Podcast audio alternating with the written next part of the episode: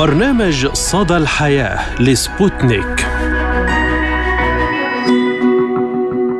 مرحبا بكم مستمعينا الكرام في حلقة جديدة من برنامج صدى الحياة. أقدمه لكم اليوم أنا فرح القادري. وأنا عماد الطفيلي. نتحدث اليوم عن مواضيع متنوعة وأهم الأخبار التي كانت ترند لهذا الأسبوع. ونبدأ الحلقة بموضوعنا الرئيسي عن تكرر مشاهد اعتداءات الشرطة على المواطنين وانقلاب الأوضاع إلى أعمال شغب وفوضى وسرقة وحرق للممتلكات العامة في المدن وهذا ما حدث في فرنسا مؤخراً.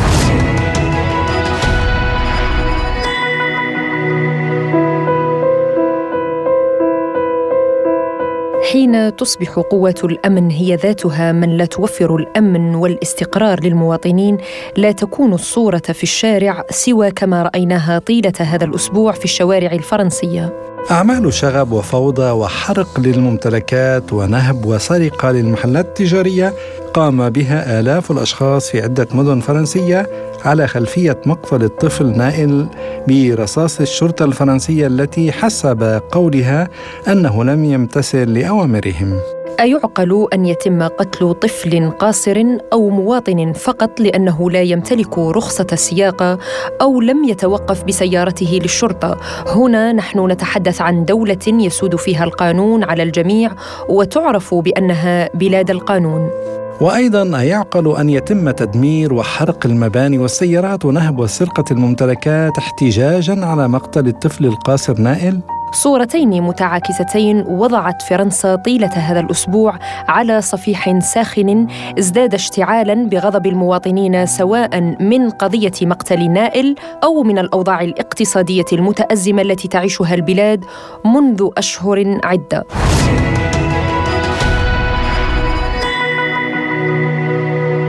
ليست الحادثة الأولى التي يقتل فيها مواطن على يد السلطات الأمنية دون مبرر واضح. فمقتل الطفل القاصر ذو الأصول الجزائرية نائل مرزوقي في الأسبوع الماضي في مدينة نانتير الفرنسية على يد الشرطة أعاد إلى الأذهان حادثة جورج فلويد المواطن الأمريكي أسمر البشرى التي انهالت عليه عناصر الشرطة بالضرب ووضع الضابط ركبته على عنقه حتى فارق الحياة. ما أدى كذلك إلى اندلاع موجة من الغضب الشعبي أوصلت الأمور إلى خروج مظاهرات عارمة في كل أنحاء الولايات المتحدة الأمريكية قبل ثلاث سنوات ووقتها قضت محكمة أمريكية بسجن الشرطي المتهم بقتل جورج فلويد لمدة عشرين عاما وذلك بعد أكثر من عامين على وفاته في مايو 2020 وعلى إثر ما وقع لنائل خرج آلاف الأفراد إلى الشارع الفرنسي بداية من مدينة نانتير كمسيرة بيضاء كانت دعت إليها والدة الضحية في فيديو عبر وسائل التواصل الاجتماعي للمطالبة بمحاسبة القائم بالجريمة وتحولت الأمور بعد ذلك إلى انفلات أمني. ووقعت عدة اعتداءات وتكسير للمحال التجارية وسرقتها ونهب للممتلكات وحرق للمباني ووسائل النقل. من جانبه ندد الرئيس الفرنسي إيمانويل ماكرون بالاستغلال غير المقبول لوفاة نائل وأعلن نشر قوات أمنية إضافية للسيطرة على أعمال الشغب والاضطراب الاضطرابات التي تشهدها أنحاء مختلفة في فرنسا كما دعا منصات التواصل الاجتماعي إلى حذف مشاهد الشغب الحساسة وأعلنت بدورها رئيسة الوزراء إليزابيث بورن من جهتها نشر عربات مدرعة للدرك لاحتواء أعمال عنف. فيما صرح وزير العدل الفرنسي أنه في الاحتجاجات المستمرة في البلاد يمكن تحميل أباء الأطفال الذين تقل أعمارهم عن 17 عاما المسؤولية ويمكن أن يواجهوا عامين في السجن وغرامة تصل إلى 30 ألف يورو. ومع تصاعد التوترات في الشارع الفرنسي واستمرار الاحتجاجات والعمليات التخريبية طلبت الشرطة الفرنسية من إسرائيل مساعدتها للتعامل مع المظاهرات. كما أشارت التقديرات الأولية أن الاحتجاجات المستمرة في البلاد تسببت في أضرار بأكثر من مليار يورو لقطاعات مختلفة باستثناء السياحة. فهل اليوم فرنسا تقف على صفيح ساخن وهذه الاحتجاجات وأعمال الشغب تتجاوز قضية مقتل الطفل نائل؟ لمناقشة هذا الموضوع أكثر نستضيف معنا الخبير الجزائري بالقانون الدولي الدكتور إسماعيل خلف الله، أهلا وسهلا بك دكتور إسماعيل وشكرا لتواجدك اليوم معنا في برنامج صدى الحياة. مرحبا مرحبا احييك واحيي السادة المستمعين الكرام. يعني دكتور إسماعيل حسب رأيك وبعدما حدث من أعمال تخريبية في عدة مدن فرنسية ألا يتجاوز ما حدث التضامن الشعبي مع قضية مقتل نائل يعني ذو الأصول الجزائرية؟ أعتقد أن الحادثة هذه الحادثة حادثة مقتل القاصر نائل عن طريق عن أو برصاص أحد رجال الشرطة هذه الحادثة يعني التي تعتبر جريمة وما قلنا أنها جريمة مضاعفة أنها ترتكب من طرف أحد رجال الشرطة الذين من المفروض أن يكونوا آه، أن يلتزموا بالقانون وتطبيق القانون. وحماية القانون رغم ولا يوجد أي مبرر لأن يقدم لهذه أو إشهار السلاح في وجه هذا القاصر ثم أيضا رميه من مسافة صفر بالرصاص وهذا ربما الذي يجعل الجريمة مضاعفة في نظرنا لأنها ترتكب ضد هذا القاصر ونعلم بأن المنظومة الحقوقية في فرنسا تعطي نوع من القداسة للتعامل مع الحدث وهذا الذي ربما تناساه الكثير من الساسه الفرنسيين وعلى رأسهم رؤوس اليمين المتطرف الذين أصبحوا والإعلام الفرنسي الذي أصبح يقدم مبررات لهذا المجرم. نقول قلت بأن هذه الحادثة في اعتقادي أنها أصبحت ورقة سياسية ورقة للضغط آه، أو لاستغلال استغلها اليمين المتطرف الذي هو في الحقيقة خطابه خطاباته وسياسه سياسه الكراهية والعنصرية التي ينشرها من خلال برامجه الانتخابية ومن خلال ما يقوم به دائما عبر الإعلام وعبر منابره السياسية هذا الذي جعل آه، يكون لها أثر في المؤسسة الأمنية التي أصبحت للأسف الشديد أن الكثير من أفرادها أصبحوا يمثلون هذا التيار ويطبقون أجندته وهو الذي حدث فعلا و... ثم أيضا لم يتوقف الأمر هنا بل ال... ال... هذا التيار استغل هذه الحادثة وربما أريد لهذا الحدث أن أن يخرج على عن سياقه فالمظاهرات السلمية التي خرجت أريد لها أن تتشوه بتلك المظاهر مظاهر الحرق والتكسير ثم تتبعها آه، جرائم السرقات الذي الأمر الذي جعل من الحادثة حاولوا من هذا القضية أن يبعدوا آه، آه، ألم و يعني تاثير هذا الجريمة على المنظومة الحقوقية الفرنسية بالدرجة الأولى ثم أيضا تاثيرها على سلوكيات الشرطة الشرطة الفرنسية التي قلت وهو ما قالها قالتها صريحة ناطقه باسم مفوضيه حقوق الإنسان بجنيف عندما توجهت للحكومة الفرنسية على أن تذهب وتنظف هذا الفكر العنصري الذي أصبح متجذرا داخل هذه المؤسسة. بالتالي فتم استغلال هذه الحادثة وما شاهدناه من آه، تكسير ومن حرق ومن عمليات آه، عنف من هنا ومن هناك سواء ما العنف الذي مورس من أطراف الشرطة ضد المتظاهرين المحتجين أو حتى العناصر التي تخللت ودخلت هذه الاحتجاجات التي كان من المفروض أن تؤدي دورها وهدفها وهو إيصال رسالة بأن المجتمع الفرنسي ككل ليس فقط هؤلاء الذين أصولهم أجنبية وأصولهم عربية وأصولهم إفريقية وأصولهم جزائريه على وجه الخصوص هم في في العمق أنهم فرنسيين. يبقى هذا نائل هو فرنسي الجنسية وفرنسي بحكم نحن اليوم نعيش الجيل الرابع والجيل الخامس فكيف يعاد لملف الهجرة؟ وهذا للأسف ما تم طرحه عبر الإعلام العربي المشرقي وكل نقولها بكل مرارة وبكل أسف أن هناك محللين عرب أصبحوا يعطوا المبررات على أن هذا هو قضية هجرة وقضيه لجوء وكيف نعامل الذي هو من الجيل الخامس أن نقول له هو مهاجر ولاجئ وربما تطبق عليه قوانين الهجرة التي هو هذا منطق اليمين المتطرف الذي يسعى إلى جعل كل كل شيء سلبي ما ما صبه وما ونتيجته هو هذه الهجرة التي يرفضها. حقيقة اليوم اليمين المتطرف هو يرفض تعدد الثقافات والجنسيات والألوان والأديان. هو يريد أن يعيد تلك آه، أو مش فرنسية فرنسا. هكذا.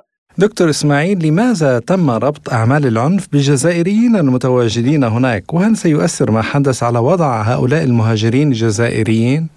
هي أنا قلت بأن هذا التيار لم ينتظر هذه الحادثة حتى يشهر ما يريد ما يريد الوصول إليه ومقصده الحقيقي. فهؤلاء هذا التيار لاحظناه منذ قبل الحادثة بأشهر وبأسابيع كان يتكلم كانت هناك ال ال ال يعني تقارير الصحفية والتصريحات الإعلامية والمقالات التي تتحدث على ضرورة إعادة النظر في اتفاقية آه، الهجرة الاتفاقية الجزائرية الفرنسية 1968 آه، هؤلاء ينظرون إلى أن هذه الاتفاقية تعطي نوع من الامتياز للمهاجرين الجزائريين وهو في الحقيقة هذا هؤلاء لم ينظروا ينظروا لم ينظروا إلى مجمل الاتفاقية التي أعطت أعطت نوع من الامتياز للطرف الفرنسي.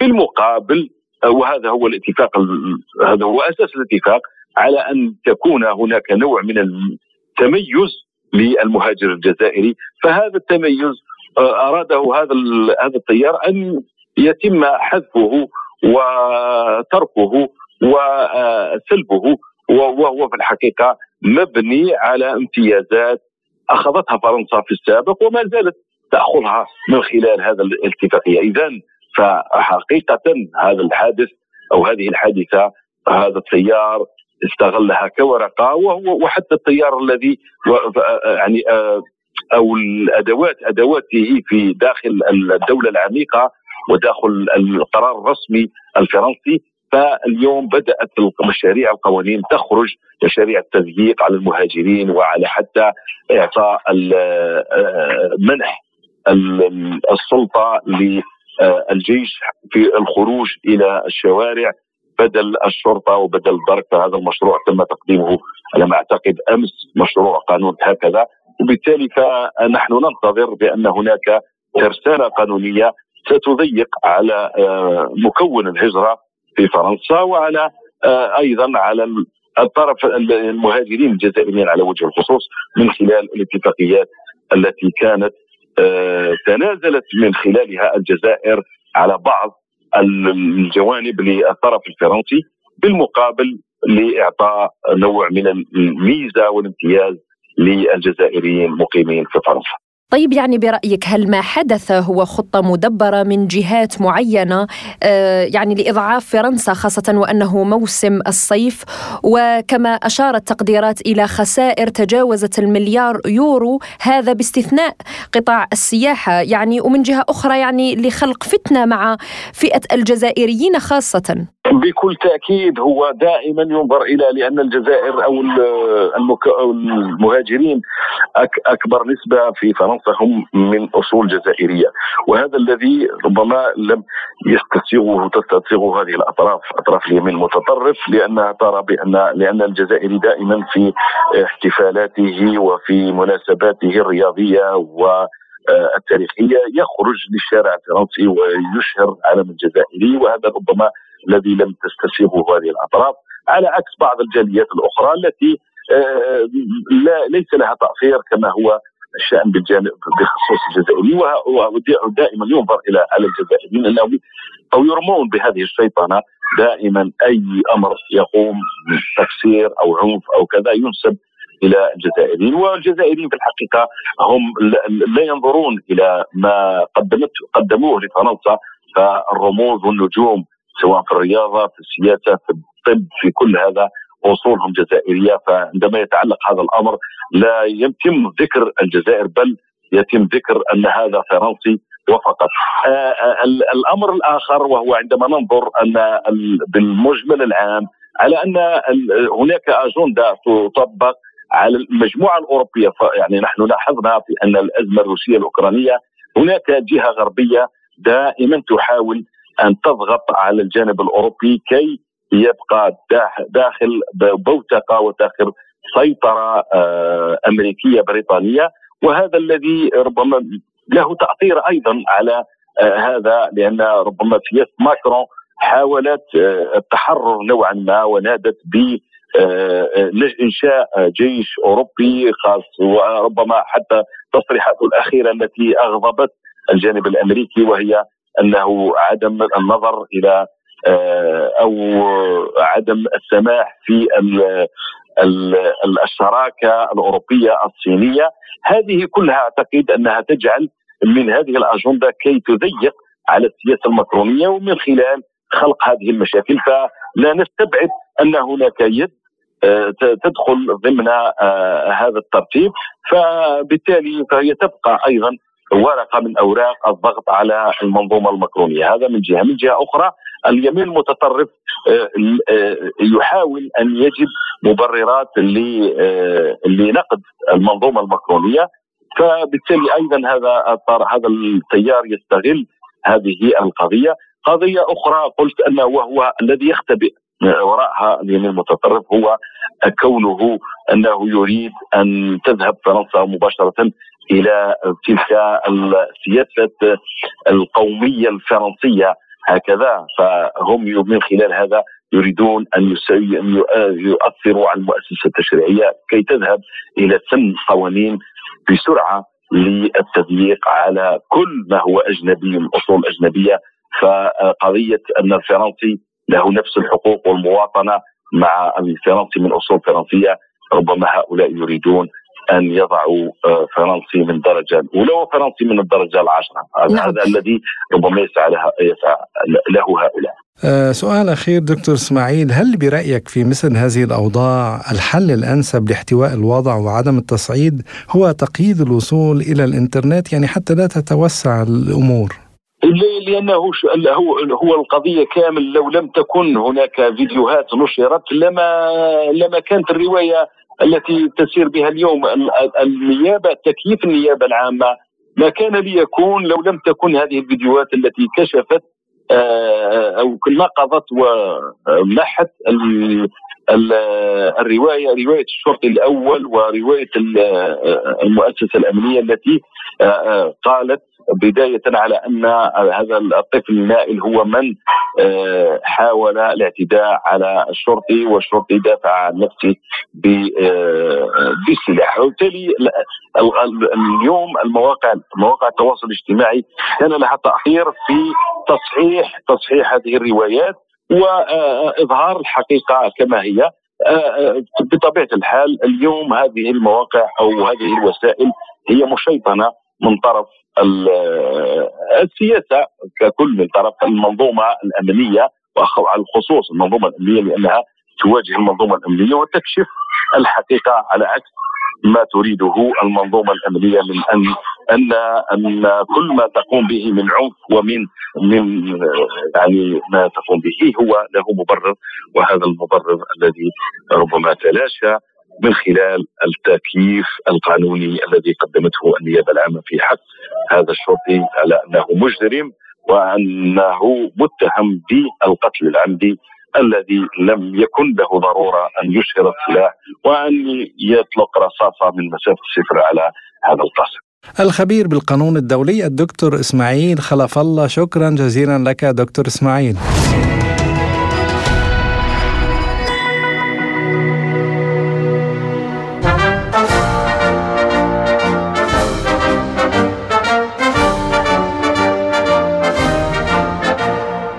بعد ستة عقود من رفع راية الانتصار في الخامس من جويليا يوليو 1962 في كل شوارع المدن الجزائرية فرحا بالنصر والاستقلال ونيل الحرية والكرامة الوطنية التي ما كانت لتكون لولا دماء الشهداء الأبرار الأحرار ونضال المجاهدين الأبطال الأحياء. فعلى مدى 132 عاما من الاستعمار الفرنسي الذي نكل بالشعب الجزائري وارتكب بحقه جرائم لن يغفرها التاريخ ولن تنسى مهما مرت السنين. 61 عاما على نيل الحرية واسترجاع السيادة الوطنية للجزائر وللجزائريين يوم مخلد في ذاكرة أبناء الجزائر وفي ذاكرة الأرض الطيبة المباركة التي رويت بدماء الشعب المناضل الذي أبى أن يستسلم للاستعمار الفرنسي وكافح وناضل وضحى بالغالي والنفيس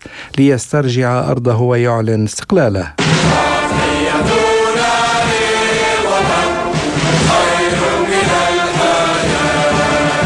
وثمانية وستون عاما على اندلاع الثورة المباركة بأيدي الشهداء الأبرار والمجاهدين المناضلين الأحرار الذين لن ينساهم الجزائريون ولن ينساهم التاريخ أيضا.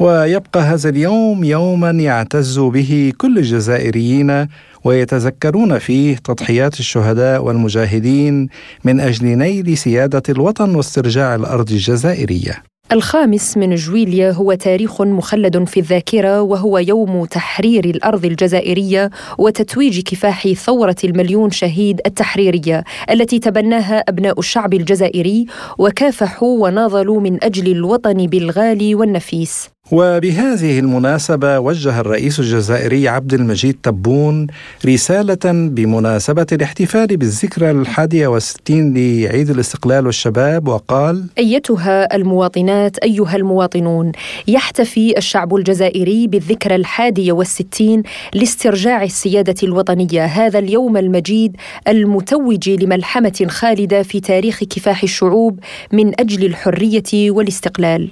وفي هذا اليوم الأغر أترحم بخشوع وإجلال على أرواح شهدائنا الأبرار الذين تصدوا بتضحياتهم الجسيمة للاستعمار البغيض إلى أن رفعوا راية الاستقلال والحرية وأتوجه بالتحية والتقدير إلى أخواتي وإخواني المجاهدات والمجاهدين هنيئا لشعبنا الأبي بهذا اليوم الخالد وأدام الله على وطننا الغالي نعمة الأمن والأمان ودوام التقدم والازدهار. فيما أعلن عنه الرئيس الجزائري عبد المجيد تبون. ونحن بدورنا من استديوهاتنا في موسكو نتوجه ب اسمى عبارات التهاني إلى الشعب الجزائري وإلى كل الجزائر. عيد استقلال مبارك. وكل عام وأنتم بخير إلى كافة أبناء الجزائر.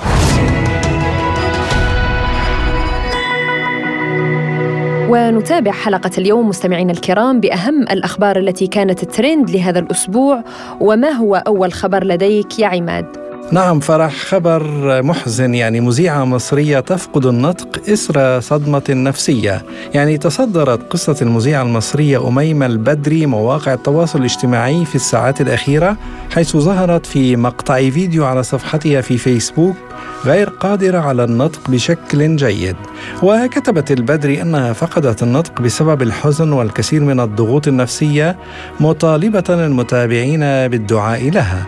وأوضحت أن فحوصات المستشفى كشفت عدم وجود جلطة إلا أن ما حدث جاء نتيجة صدمة نفسية مبينة أنها ستخضع لعلاج بالجلسات الكهربائية في الفترة المقبلة ونتمنى لها كل الشفاء.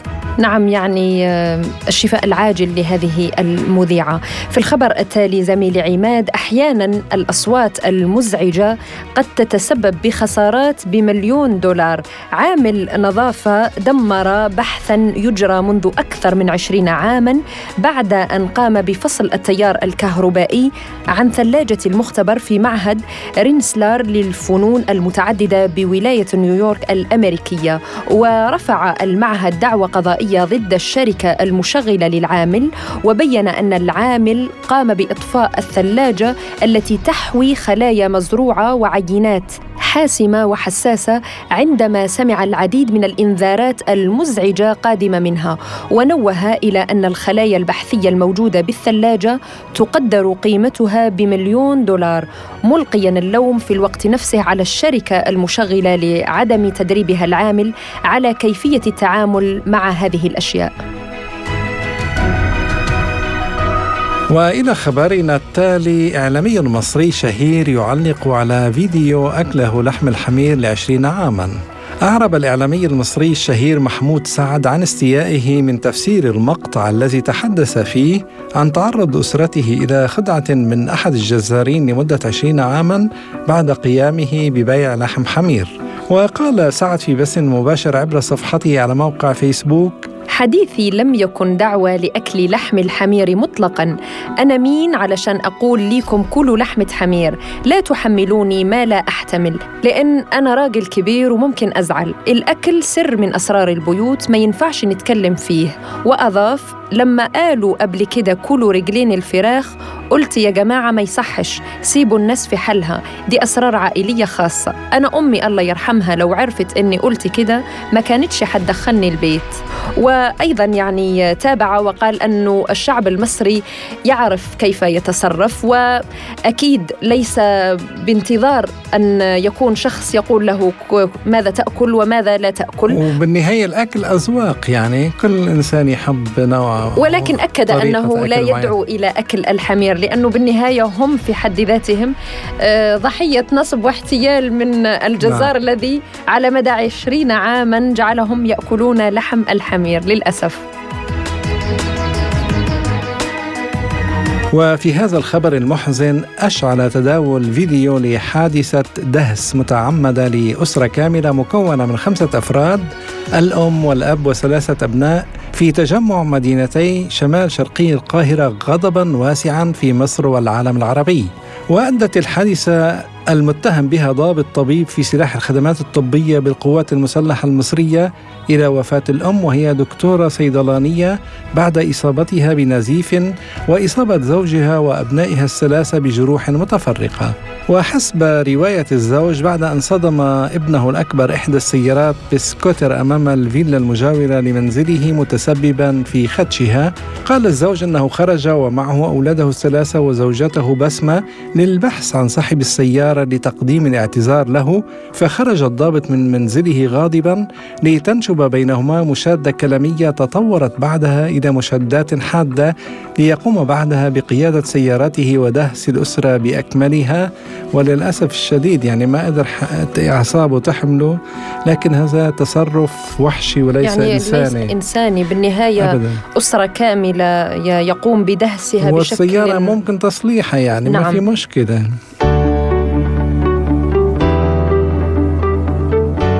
ونختم الحلقة بمعلومة طبية كما عودناكم مستمعينا الكرام وبما أننا في فصل الصيف فكيف يمكن للتكييف أن يجعلنا عرضة لحالات صحية مقلقة؟ زميلي عماد وفق الدراسة التي أجريت منذ عام 2004 طبعا يعني هذه الدراسة التي أجريت في عام 2004 في مجلة طبية يعني وفقا لها تقول هذه الدراسة هناك بعض العلوم لدعم ما يسمى بداء الهواء ووجد الباحثون أن التواجد في نطاق مكيف الهواء إذ لم تتم صيانته جيدا أو كان في مبنى سيء التهوية يمكن أن يسبب مشاكل صحية. وأفاد خبراء بأن الشعور بأعراض شبيهة بالزكام في أشهر الصيف قد يعني أنك تعرضت لحالات صحية تسببها مكيفات الهواء. وقد تشمل هذه الأعراض أيضا الصداع السعال الجاف والدوخة والغثيان وصعوبة التركيز والتعب وحساسية الرائحة. وذكر موقع طبي أنه عندما لا يتم صيانة أو تنظيف مكيفات الهواء بشكل صحيح فمن المحتمل أن تكون مليئه بالبكتيريا والعفن وقد يعني هذا أن المكيفات قد تقوم بتدوير الهواء الملوث. إلى هنا مستمعينا الكرام نصل إلى نهاية حلقة اليوم وكان معكم فيها عماد طفيلي. وأنا فرح القادري وللمتابعة والمزيد من الأخبار يمكنكم زيارة موقعنا الإلكتروني سبوتنيك dot ae وقناتنا على تليجرام سبوتنيك عربي. وأيضا يمكنكم الاشتراك بقناة أرب بوينت بودكاست القناة الخاصة بالقضايا السياسية والاجتماعية والاقتصادية بكل شفافية وحرية. عبر منصات يوتيوب فيسبوك تويتر وبودكاست. إلى اللقاء. وشكرا لإصغائكم وإلى اللقاء.